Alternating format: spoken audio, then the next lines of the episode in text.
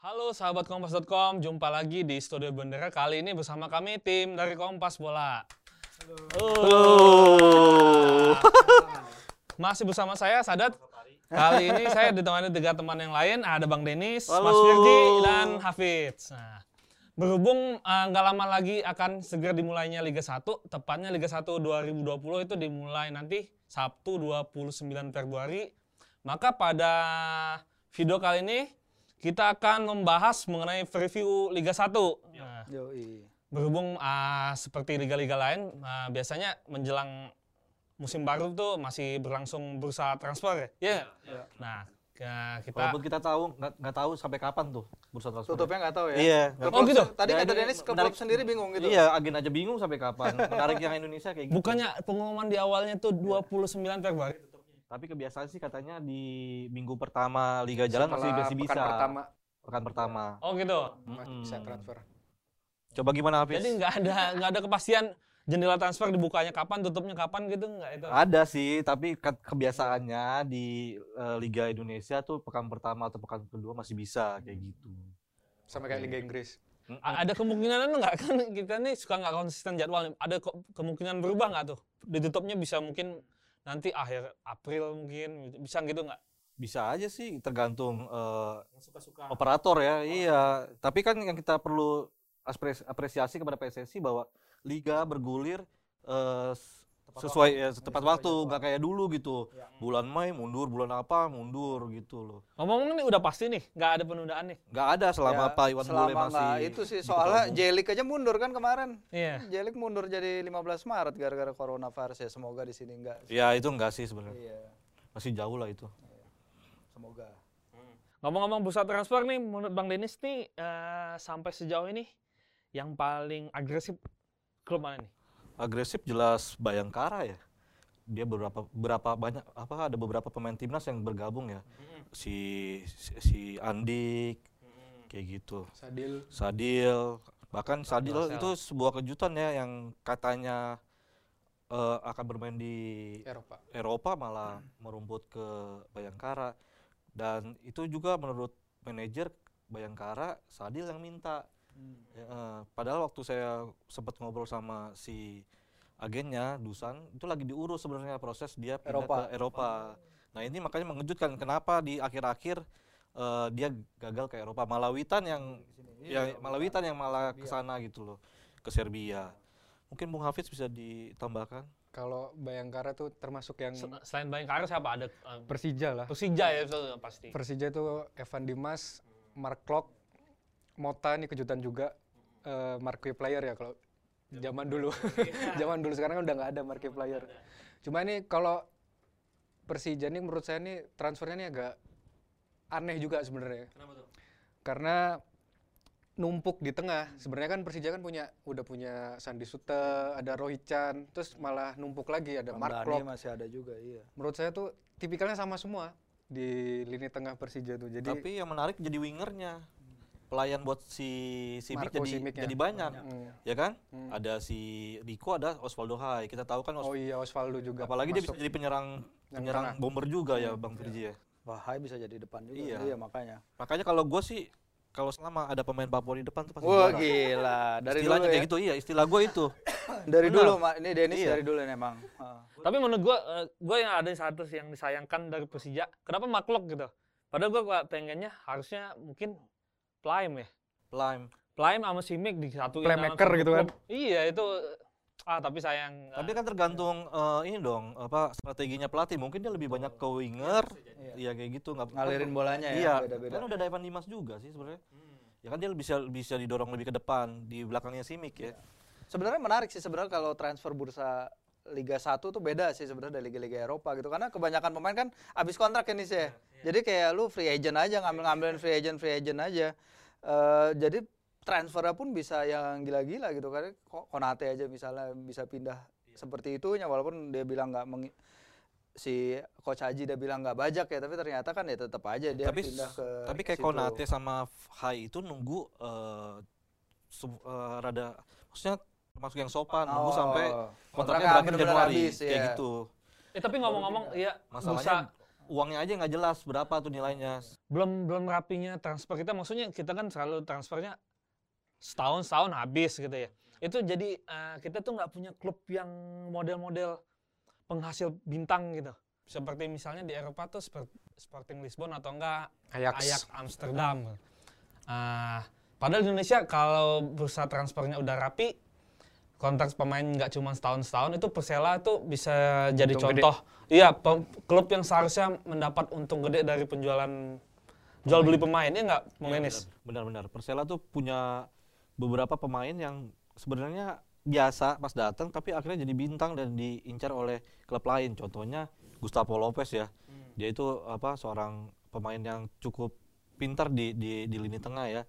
Eh, terus ada lagi si Loris Arnold yang bomber juga dan sempat jadi top skor di Persela. Lalu dia dibeli Tira dan di Tira juga nggak terlalu ternyata nggak terlalu istimewa. Terus ada siapa si Fami Aluyubi Winger. dilepas dibe- dibeli ke Bali. Bali. Lalu ada Sadil Ramdhani dan terakhir si Hambali Hambali Hambali Tolib. Messi de Lamongan. Tuh, keren. Nah dia itu sempat trial di di Eropa tuh dia malah dan dia milik Persebaya. Sekarang ke Persebaya. Ikut bapaknya Haji. yang terbaru sih kayak Hirose itu dia dibeli klub kaya Malaysia ya kan Johor. Johor Darul Takzim tapi sayangnya da- dari penjualan pemain-pemain yang bintang itu Persela nggak mendapatkan apa-apa karena dia pemain itu tidak menjalani kontrak jangka panjang Dilepas pas kontraknya habis berarti ya. dilepas ya jadi jatuhnya seperti bursa transfer eh apa Bias. bebas transfer, Bebas transfer. Bosman ha. terus, transfer Bosman. iya transfer Bosman Tapi ada beberapa klub sih yang udah mulai investasi kan untuk pemain muda kayak Bali, Persija, Persija. Bali punya Hanis Agara. Terus kalau Persija ada Sultan Jiko ya, ada Bagas Kava dan itu trans, eh, transfernya long term gitu loh. Gak hanya setahun dua oh tahun. ya kayak kontrak gitu. jangka panjang Iya. Iya. Jadi udah mulai lah mereka tuh terlepas dari juga kebijakan iya, iya. federasi untuk akademi Udah ya. mulai ngerti lah udah ya, mulai ngerti bahwa ada iya. mereka perlu investasi di situ nggak hanya Iya, semusim buang, semusim buang kayak gitu. Nah yang menarik juga kalau kayak ini nih market playernya Persija ini nih, gua nggak ngerti nih tujuannya mereka datengin Mota. Padahal kalau back ya mungkin kanan kan- lagi posisi. back kanan ada Resal Hanusa kan. Nah itu mungkin karena katanya sih dia mau masuk bursa, jadi perlu perlu apa ya sebuah branding ya, branding atau image kayak gitu ya. Iya, iya. Ya, ya? Iya, ujung-ujungnya kayak pemain bintang yang bisa menjual namanya ya. Iya, kayak gitu. Iyalah karena kalau kita lihat ya pasti transfer mana yang paling menarik perhatian ex Juve, Iya. orang Itali dan dia nggak tua-tua banget kan berapa tiga tiga ya? Tiga-tiga. Ya, maksudnya nggak nggak tiga enam banget gitu loh masih bisa Masih ada kuat di masa Indonesia. pakainya gitu loh. Semoga dia betah dah kayak Esin dulu ya, walaupun Kasihan dia, sampai sekarang kan dia masih sering ngetek ngetek Persib dan lain-lain kan maksudnya dia kayak beneran seneng gitu loh di Bandung kayak ngerasain ada sesuatu gitu kita kalau kalau ya kayak Zokora kan kayaknya cuman lewat doang Ben, Ben. Momo Sisoko juga Ya, kayaknya cuman Soko. lewat doang tapi Persib ini ya begitu si ya kalau kita lihat si Asian di mana-mana kapan pun dia Persib ulang tahun pun dia masih Iya, ngucapin kan benar. Haryono pindah, Bagus. ngucapin Haryono juga. pindah ngucapin istimewa emang tuh kalau Asian itu berarti Iya. Persib istimewa bagi Asian kayak gitu. Oke, untuk eh, sesi ini kita cukup sekian untuk pembahasan transfer. Pada sesi selanjutnya eh, kita akan membahas kira-kira siapa yang berpeluang menjadi juara dan top skor. Oke, setelah tadi kita membahas eh, bursa transfer dan eh, tim-tim mana yang eh, agresif di bursa transfer, maka kita akan membahas kira-kira tim mana yang setelah dari mengumpulkan pemain-pemain itu kemudian berpeluang paling besar untuk menjuarai Shopee Liga 1 2020. Nah, untuk Bang Dennis sendiri kira-kira tim mana nih?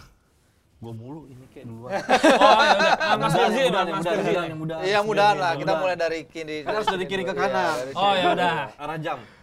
Arah jam. Fitz, menurut lu siapa nih Fitz? Kalau saya prediksi Bali United mempertahankan gelar juara. Kenapa tuh Bali United tuh? Karena sekuat juara musim lalu tuh tidak ada yang berubah. Jadi pemain bintangnya empat pemain asing tuh dipertahanin, terus ditambah dengan Pemain-pemain. baru yang memang dibutuhin ada Nadeo, Haryono segala macam. Terus pelatih juga nggak berubah. Hmm. Jadi menurut saya tuh ya ini tim ini udah kebentuk dari musim lalu. Tinggal musim kedua ini tinggal nambahin pemain yang baru, ya bisa lah untuk mempertahankan juara. Tapi kan sibuk nih. Biali ini ada di Piala AFC juga sih. Udah main ya sekarang. Dia main di dua kompetisi Kan lain. ini kan juga bisa ada aturan baru kan dari Liga 1 tuh kan. Us, apa tuh? Ngeri kan? Jadi dua tim yang ikut AFC tuh ditambahin jatah pemainnya. Berapa? Jadi nambah jadi 36 kalau salah. Yang lain tuh jadi 33.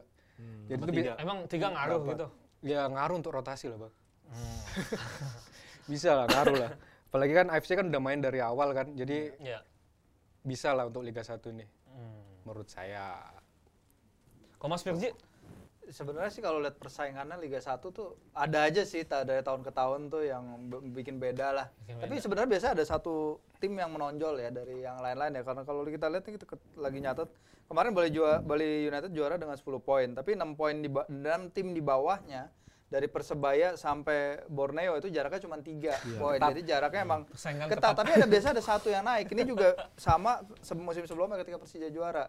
Persija juara 62 poin dengan PSM 61, tetapi jaraknya dengan Bayangkara itu Bayangkara 53 poin ketika itu. Jadi sebenarnya ada distance lah, pokoknya ada secara tradisional mungkin ada satu dua tim yang unggul. Sebelumnya lagi Bayangkara dan Bali 68 poin, PSM 65, Persija 61. Jadi memang ya menarik persaingannya gitu karena iya. nggak bisa kita lihat pakem ya kayak di Bundesliga lah. Persaingannya nggak bisa pakem nggak bisa kita samain satu musim satu dia juara akan menjadi juara, bertahan gitu loh. Eh, apalagi ya kalau kita lihat musim lalu sebenarnya mungkin Persija ada kesulitan juga dengan jadwal terutama ya nih saya Iya. dengan komitmen mereka ke berbagai kompetisi yang mereka ikuti dengan jadwal padat jadi akhirnya mereka kelimpungan banget akhirnya benar-benar sampai ke bawah tapi kalau kita lihat transfer yang mereka lakuin sekarang sih masa sih nggak bisa gitu loh mereka tiga besar apa dua besar gitulah Hmm. Ya, belum juara tapi mungkin eh, menantang untuk posisi juara karena ya di atas kertas sih bagus banget gitu Dan Harus Materi menantang. bener gitu. pokoknya bisa menantang papan atas tapi apakah mereka bisa jadi juara banget nah ini pertanyaan besarnya sih Harusnya kalau jadwalnya rapi memang Persija berpeluang besar sih ya. Maksudnya tidak main tiga atau empat hari sekali ya gitu. dua tiga hari sekali Iya. bahkan tahun lalu kan iya Mm-mm. Om ini siapa jagoannya nih? Kalau gua rivalnya aja deh. Persib. Oh, Persib. Ya Uh, kan kalau Persib. iya. ya kalau gue lihat Persib sih eh, ini musim keduanya Robert Rene ya. Iya. Ya kan Robert Rene udah belajar dari musim pertama. Kenapa juga gue menyanggah Persija yang bukan juara ya dia pelatih baru lalu iya banyak bongkar pemain pasang. baru iya Jadi galau dong Persija nggak juara. Eh ngomong-ngomong, biasa. ngomong-ngomong Robert Rene, ini fenomena menarik loh. Karena jarang klub Indonesia itu yang mempertahankan pelatih. Asik. Kalau uh, Pelatih. kecuali berprestasi gitu. Teko mungkin pengecal, iya kan? Jarang kan yang tetap mempertahankan pelatih ketika Belum juara, eh tidak dia juara. dia Iya. di- tidak menghasilkan apa-apa gitu. Iya Persib kalau gue lihat sih. Karena- Eh, eh, apa Ezekiel juga pindah ya si si Rene dapat yang yang gue lihat sih bahkan lebih bagus daripada Ezekiel nantinya gitu loh. Hmm. Itu menariknya dari Persib. Lalu ada juga Febri ini makin matang kalau gue lihat. Iya. Febri makin matang ada Beckham juga yang wonderkid Iya wonderkid di, ditempa di apa di level timnas seperti itu. kiper banyak banget tuh, Kiper bisa kiper kayak kayak kiper tetap Iman Oh, Wirawan. iya. Juara Piala Gubernur Jatim Persebaya enggak itu? Kalau Persebaya itu gimana tuh? Menurut pandangan pandangan lu Fitz? Kalau Persebaya menurut saya tuh ini nggak tahu ya. Aji Santoso tuh kalau udah musim kedua di tim yang sama tuh mesti turun kayak di Persela sama Arema tuh Oh, iya. benar. siklusnya turun mesti. Ya mungkin kalau saya nih menurut saya tuh Persebaya bisa turun lah. Mm-mm. Tapi pemain asingnya kacau sih Konate sama Da Silva itu udah Iya. kalau Da itu Silva jalan sih banget. bisa mungkin. Mm-mm. Kuncinya di dua itu sih. Iya. Tapi Persebaya ini punya kebiasaan yang ya kebiasaan yang men- menarik sih dan nggak pernah setia sama satu pelatih dalam satu musim. Mm. Nah ini tantangan Aji apa bisa Nah, sampai akhir musim. Makanya musim belum, kedua nih kayaknya belum kayak tentu gitu. juga juara mereka kalau kebiasaan itu tidak dihilangkan kayak gitu. Mm. Kalau Eh, Tapi ngomong-ngomong tadi selain persaingan yang uh, rivalitas yang ketat di Liga 1, ada satu hal lain yang Liga 1 tuh yang membuat juara sulit ditebak karena tidak pernah ada juara bertahan yang back to back juara lagi di ya. Mungkin Bali United salah satu penghalang dia menjadi juara mungkin itu. Kutukan. Iya sih, Iya ada kutukan kutukan. belum pernah ada kan? Iya, Spanyol sejarah. Klinik-klinik. dan Bali Klinik. United itu tim pertama dari Pulau Jawa yang jadi juara. Di Dari luar Pulau Jawa. Di luar Pulau Jawa yang jadi juara semenjak 2014 Persipura. Persipura terakhir Persipura Bayangkara lalu Persija kayak gitu Hmm, gitu. Ya, ya, ya. tapi ya mungkin Bali ya ya jangan Bali bisa juga Bisa lah. mematahkan kutukan itu loh Bisa. Dengan dengan tekonya gitu loh Ya, setelah tim juara kita eh Enggak, Bang karena- Sadat belum. apa? Enggak karena Tim ini. juara. Prediksi. Oh. Kok gue prediksi prediksi Bayangkara sih. Nah, Walaupun Bayangkara. nggak punya biar biar beda-beda ya. tapi materi pemainnya. Iya, iya, iya. Bayangkara nggak bakal Walaupun nggak ada. Bayangkara kan bisa jadi kayak Madura musim lalu Apa di awal Galacticos di awal tuh kenceng tapi habis itu turun di ya. tengah di apa di jeda jeda selesai Kalau tidak memper, atau tira dulu tidak memperhitungkan kekuatan dukungan supporter ke-12, gue menjagokan iya Bayangkara. Materi pemainnya lumayan oke emang. Ah, nah, kita eh, ngomong-ngomong tuh tadi kan juara udah nih kalau top score. Hmm, top nih? top skor asing lagi kayaknya masih. David da Silva ya Iya. kayaknya David da Silva. Mm-mm. Ah, sejauh ini lokal belum ada lah ya udah. kemarin Tibo sih kalau lokal berapa 13 Timbo gol 13 gol ya. Just Bonai sekarang ke Borneo dan menariknya juga lokal ini udah nggak pernah muncul lagi jadi top skor semenjak mana catatan gua semenjak tahun Boas. 2013 di zaman ISL tuh Boas tiga kali Udah jadi lama top ya. skor ya 7 tahun ya. Hmm, 2008, 2009, 2010, 2011 Tapi itu tercermin sih ke timnas kita gitu loh. Iya Jadi sih. timnas Iya. kita Kekurangan striker. tiap Jadi kali harus nyari striker naturalisasi, striker naturalisasi lagi-lagi ny- nyari pemain 38 Iya. tahun gitu loh. Iya. Ya Tapi gue kalau kalau ngeliat naturalisasi yang gua cukup terlepas dari pemain lainnya ya cukup salut sih dengan Beto ya dengan Ya. usia segitu masih, masih bisa ya. energik gitu loh masih energik dari bola sampai ke belakang kayak gitu dan dan tajam di lini depan Iya. kayak gitu Cuman kelihatan sih kalau dia main di timnas kayaknya udah habis di klub gitu loh. udah habis di udah klub habis ya. di klub. kayaknya Nah, itu- cocoknya di kontrak buat timnas aja kayaknya. gimana Iya, makanya. Tapi eh, pemain asing itu itu juga cerminan eh, betapa tertinggalnya kualitas sepak bola kita sebetulnya. jadi gimana Jadi pemain asing yang sudah sebetulnya udah kategori habis dan tua, tapi masih jago banget di sini. Sementara di ketika main di luar, hmm. Udah habis. iya itu David da Silva contohnya, dia pernah kan? Ya. Ke Liga Korea ya, tidak lulus tes. Itu kan, tapi di sini kan jago banget. Itu membuktikan. Silvano, Convalius. Convalius Iya, itu itu Thailand, jauh jomplang. Iya, jomplang. Jauh jago banget di sini tapi ketika ke Thailand hancur. Hancur, lebur. Oke, tadi kita sudah membahas prediksi juara dan top skor. Pada sesi selanjutnya kita akan membahas hal-hal menarik yang terja- akan terjadi di Shopee Liga 1 musim 2020. Oke, setelah tadi dua sesi sebelumnya kita sudah membahas transfer, prediksi juara dan top skor, maka pada sesi ketiga ini kita akan membahas hal-hal menarik yang terjadi sepanjang Shopee Liga 1 2020. Kalau menurut catatan gue, hal menarik pertama itu untuk musim ini itu ada uh, Persiraja sama Persipura dalam satu kompetisi penuh. Sabang sampai Merauke Nah, nah, Ada semua Ini untuk pertama kalinya ada tim dari Banda Aceh sampai Papua Ada yang semua. berkompetisi di satu Kompetisi kompetisi. nggak dibagi daerah. Nggak dibagi ya. daerah ya. Itu uh, terakhir tahun berapa tuh Hah? terakhir tahun berapa Terakhir itu tahun 2008 2008 kalau nggak salah PSSB Biren. Biren. Tapi itu dibagi wilayah bukan satu ya. Nggak jadiin satu. Jadi nggak ada Persipura tandang ke Acehnya nggak ada. Tapi ini kan ada berpotensi Papua Tandang ke tandang Aceh, ke ya. Aceh dan Persiraja tandang ke Papua. enak lagi tadang ke Aceh kopinya banyak Iya. kopi mulu Itu itu jarak Aceh Jayapura itu ternyata lebih jauh daripada London Moskow. ngeri Iya. Gede Indonesia ternyata gede Indonesia. berarti gile biayanya gede banget ya Iya biayanya gede banget emang. Dan untuk eh, satu kompetisi penuh kayaknya memang terlalu mahal biaya ya. Apa Indonesia tuh perlu dibikin kayak Liga Champion gitu nggak sih? nggak apa-apa lah Dibagi-bagi grup kecil-kecil gitu. nggak usah kalau menurut nggak apa-apa lah itu kan sepak bola katanya kan persatuan gitu gitu ya nggak apa-apa lah mau dari Aceh ke yang penting kan juga PSSI sudah bilang subsidinya kan ada penambahan Nambah, untuk dua dua tim itu kayak Iya. gitu kalau kita nggak mulai dari sekarang kapan lagi gitu loh untuk apa sih mempertemukan sama sampai tuh, ini ya iya. Indonesia ini gitu loh Tiga zona waktu. kan. Iya sekarang Iya. mungkin harus diperhatikan oleh persi apa Aceh tuh gimana caranya mereka bisa get sponsor mungkin PSSI juga bisa- bisa membantu sampai level itu ya Ji ya Iya.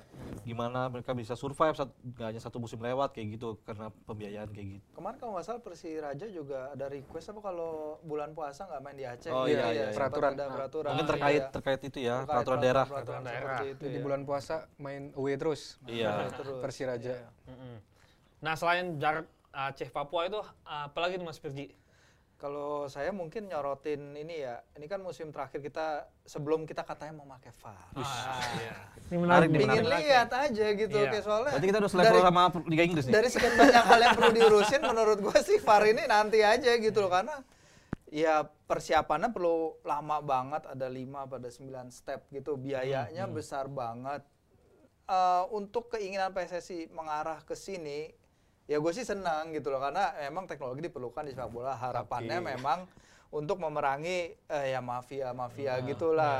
Eh, tapi kan kita lihat sendiri, kemarin aja ada podcast yang bilang Liga Inggris pun belum siap gitu nerima VAR sebenarnya nih. iya iya Karena ya jedanya tuh masih mereka juga masih nggak ngerti gimana cara implementasi terbaiknya dan cara mereka menetapkan bahkan wasit-wasit terbaik di Liga Inggris pun masih nggak ngerti caranya untuk eh, bagaimana mengambil keputusan dengan tepat dan dengan benar gitu. Dan di sana tuh kita bicara stadion-stadion kelas dunia loh, stadion-stadion yang ada udah ada videotron ada yang bisa kelihatan kamera ya. Iya. eh, jelas bahwa ini ada keputusan VAR akan diambil misalnya kalau kita nanti ya ke stadion Persiraja atau ke stadion siapa lah gitu ya nanti ini kenapa tiba-tiba pertandingan berhenti lima menit nggak ada yang tahu tapi gitu tapi loh. menurut lo perlu nggak VAR itu dibakukan seperti di Inggris sana atau diadaptasi ke negara-negara masing-masing misalnya nggak ada videotron ya cuma satu TV doang di ini Nah, di- ini atau pakai layar benar. lay- layar tancap gitu karena ini yang Dibantulin. seharusnya PSSI akan pelajari karena Hmm. mereka belajar dari FA Thailand kan mereka lagi pelajari FA Thailand udah kalau nggak salah Malaysia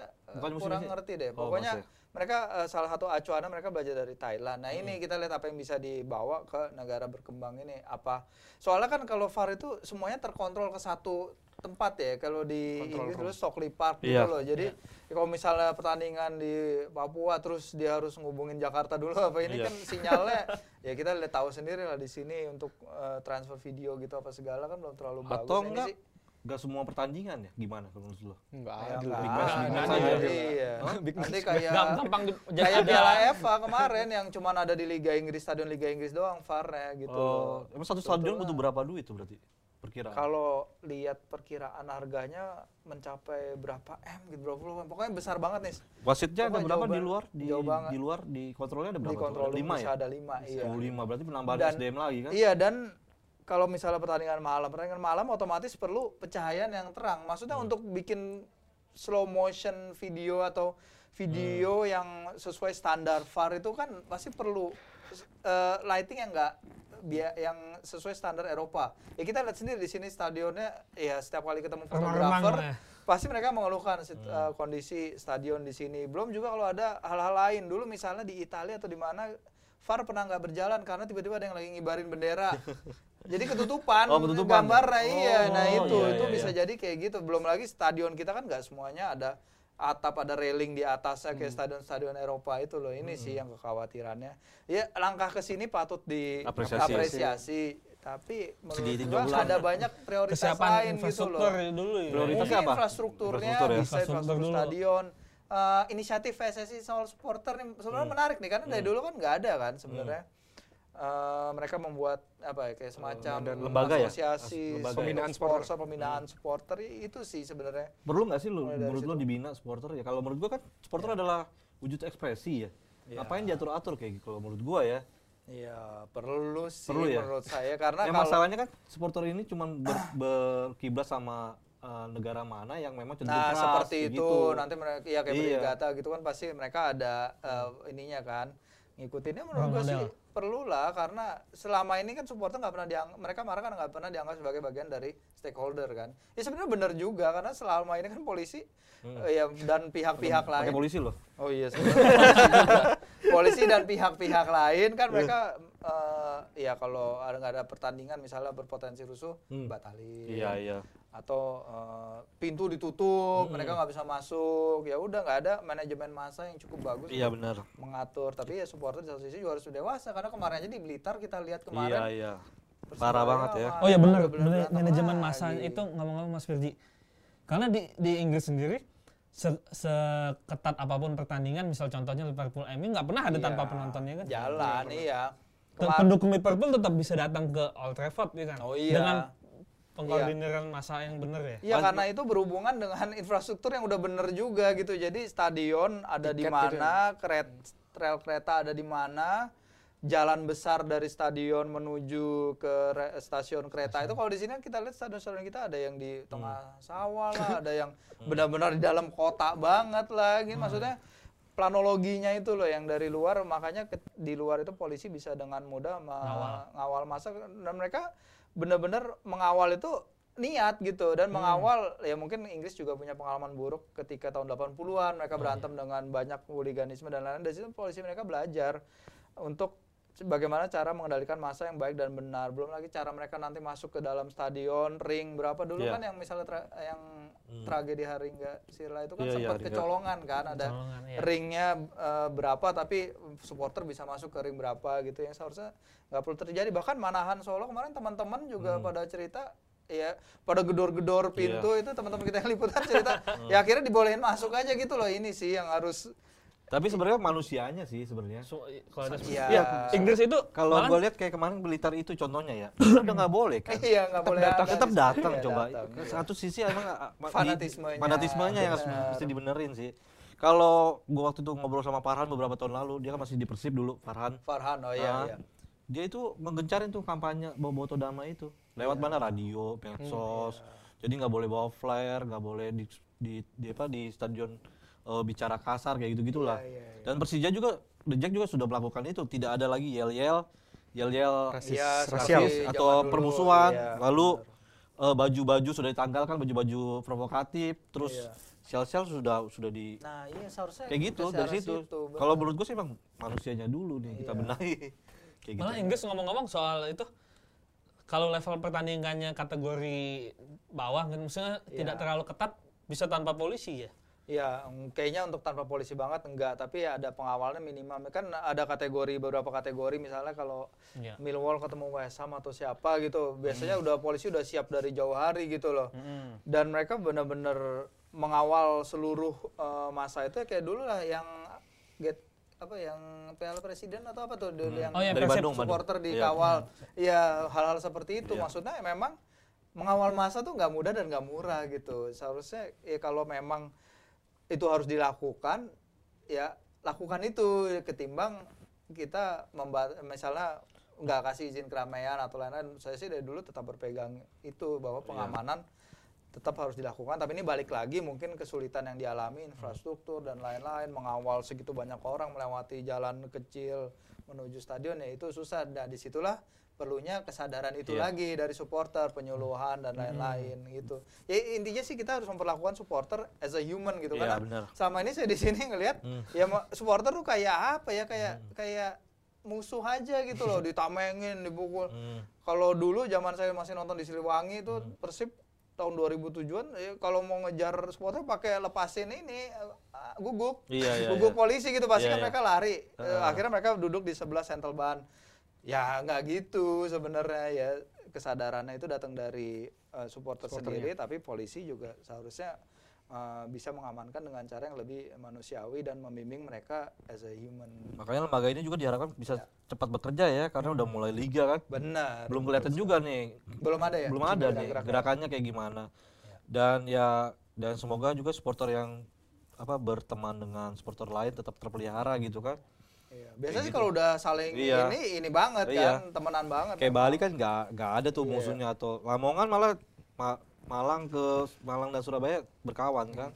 Semuanya. Kayak gitu. Eh ngomong-ngomong iya itu memperlakukan um, manusiawi supporter itu yang uh, kalau dibaca-baca itu yang melatar belakangi kenapa di Inggris itu stadion itu tak ada pagar pembatas antara tribun dan lapangan karena mereka berpandangan kita kita menyaksikan pertandingan manusia dan yang menonton juga manusia, Iya, gitu. benar.